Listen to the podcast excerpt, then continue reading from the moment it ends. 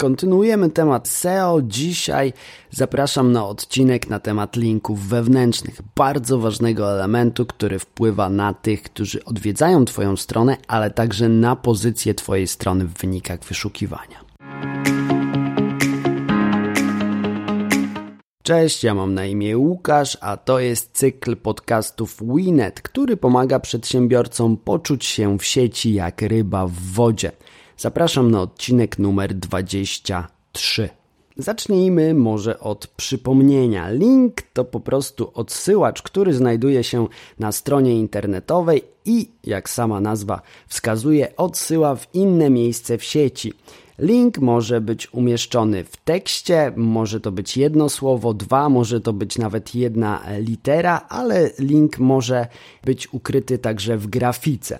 Takie przekierowania znajdują się właściwie na każdej stronie internetowej i odsyłają w różne miejsca, jak wspomniałem, ale dzisiaj będziemy mówić o specyficznych linkach, czyli o linkach wewnętrznych, czyli tych, które odsyłają do podstron w obrębie tego samego adresu, czyli strony internetowej albo sklepu internetowego. Jednak zanim przejdziemy dalej, warto wspomnieć jeszcze o takim zagadnieniu jak Anchor czy inaczej anchor text lub tekst zakotwiczony. Jest to po prostu treść linka widoczna na stronie. Zazwyczaj jest on wyróżniony odmienną kolorystyką, pogrubieniem lub podkreśleniem. Po kliknięciu w Anchor zostajemy przeniesieni pod inny adres. I teraz uwaga, ważna rzecz. Słowa zawarte w Anchorach mają bezpośredni wpływ na pozycjonowanie. To dzięki nim wyszukiwarka rozpoznaje, o czym jest dana strona. Rankinguje ją właśnie w oparciu o Anchory. Dlatego Anchorami powinny być najważniejsze słowa kluczowe dla Twojej branży. Te, pod które się pozycjonujesz te, po których chcesz być wyszukiwany w wyszukiwarce. Tak więc znaczenie ma nie tylko to, gdzie odsyłają Twoje linki, ale także to, pod jakimi enkorami są umieszczone. Enkor zawierający słowa, na które się pozycjonujesz, to enkor sprzedażowy, na przykład buty damskie. Są też enkory półsprzedażowe, które zawierają rozbudowaną formę słowa kluczowego lub odmienioną, na przykład y, w kontekście zdania sportowych butów damskich. Są również enkory brandowe. Jest to zazwyczaj nazwa firmy, na przykład agencja marketingowa Winet lub serwisu internetowego. E, pomaga to budować rozpoznawalność marki w internecie.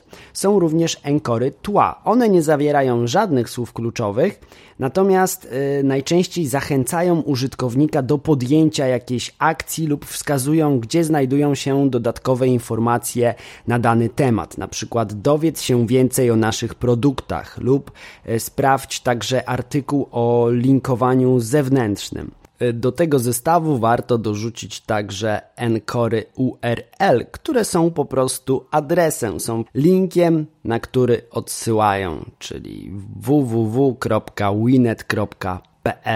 Najczęściej można spotkać je w przypisach, w źródłach, z których korzystał autor podczas pisania artykułu.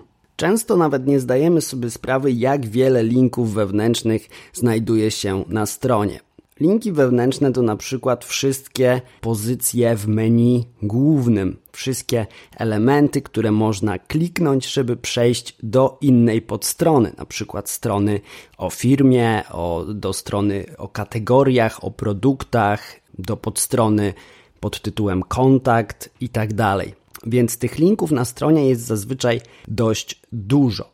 Linki w menu głównym na stronie internetowej są pewną oczywistością i zawsze się tam znajdują. E, niestety wielu użytkowników zapomina o linkach wewnętrznych w tekstach, które publikuje, na przykład na firmowym blogu. Dajmy na to, że jesteś właścicielem sklepu, który sprzedaje laptopy.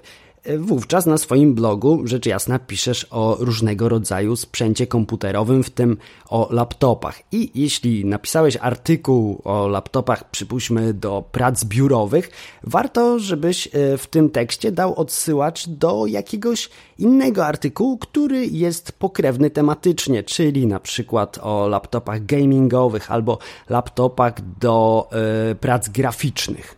Wówczas użytkownik sprawnie porusza się po Twojej stronie, szybko odnajduje informacje, które mogą go interesować, a co więcej, e, wyszukiwarka, roboty wyszukiwarek e, sprawniej też skanują Twoją stronę, dzięki czemu szybciej kolejne podstrony, które e, powołujesz do życia, znajdują się w wynikach wyszukiwania. Innymi słowy, tworzenie linków wewnętrznych tworzy taki system, który łączy podstrony w obrębie Twojego adresu internetowego, dając im moc e, w kontekście SEO, ale dając też użytkownikowi wiele ścieżek dotarcia do konkretnego artykułu, produktu e, lub e, innej jeszcze podstrony. Poza linkami wewnętrznymi w menu, w opisach produktów, w artykułach, można je też spotkać pod produktami, które przegląda dany użytkownik.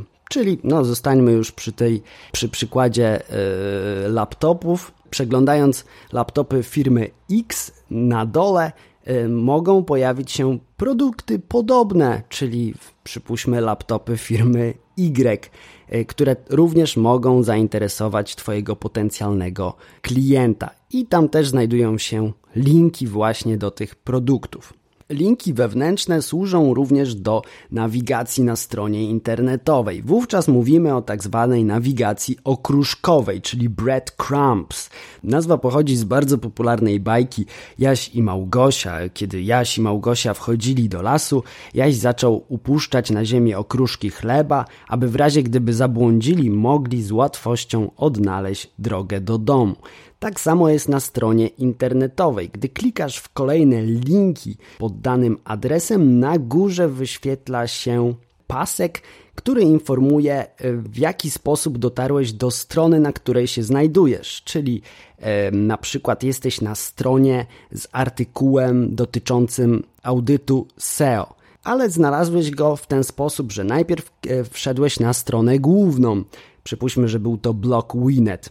Następnie E, wszedłeś w kategorię SEO, a później kliknąłeś w artykuł Audit SEO. I na górze wyświetlą się te trzy lokalizacje, do których z łatwością możesz wrócić e, klikając którąś z nich. Czyli strona główna, kategoria SEO i artykuł o audycie SEO. To te trzy pozostawione okruchy.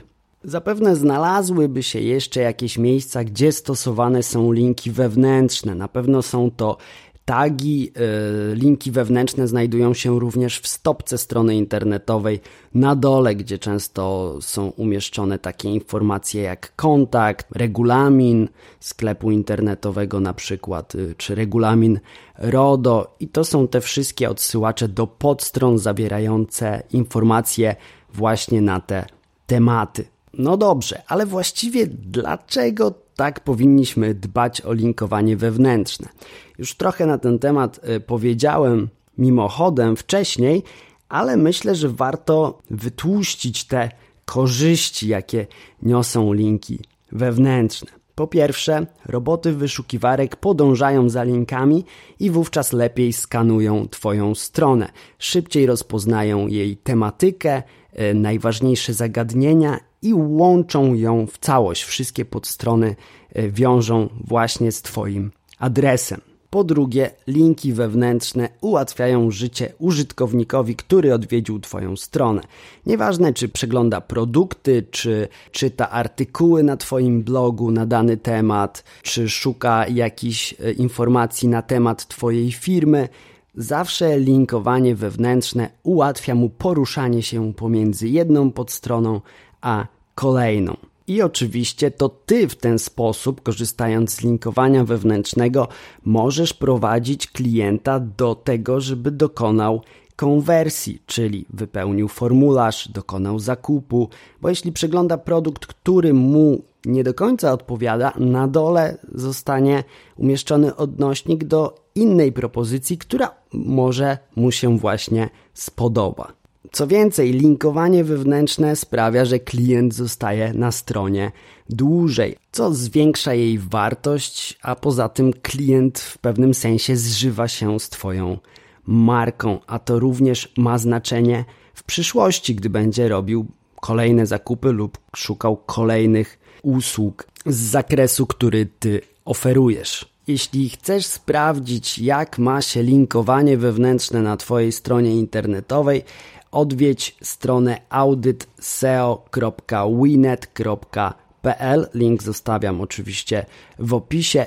Tam z audytu dowiesz się, e, jaka jest liczba linków wewnętrznych na Twojej stronie i na ile wykorzystujesz moc linkowania wewnętrznego. Tymczasem ja mówię papa i zapraszam na kolejny odcinek efektywnej firmy. Cześć!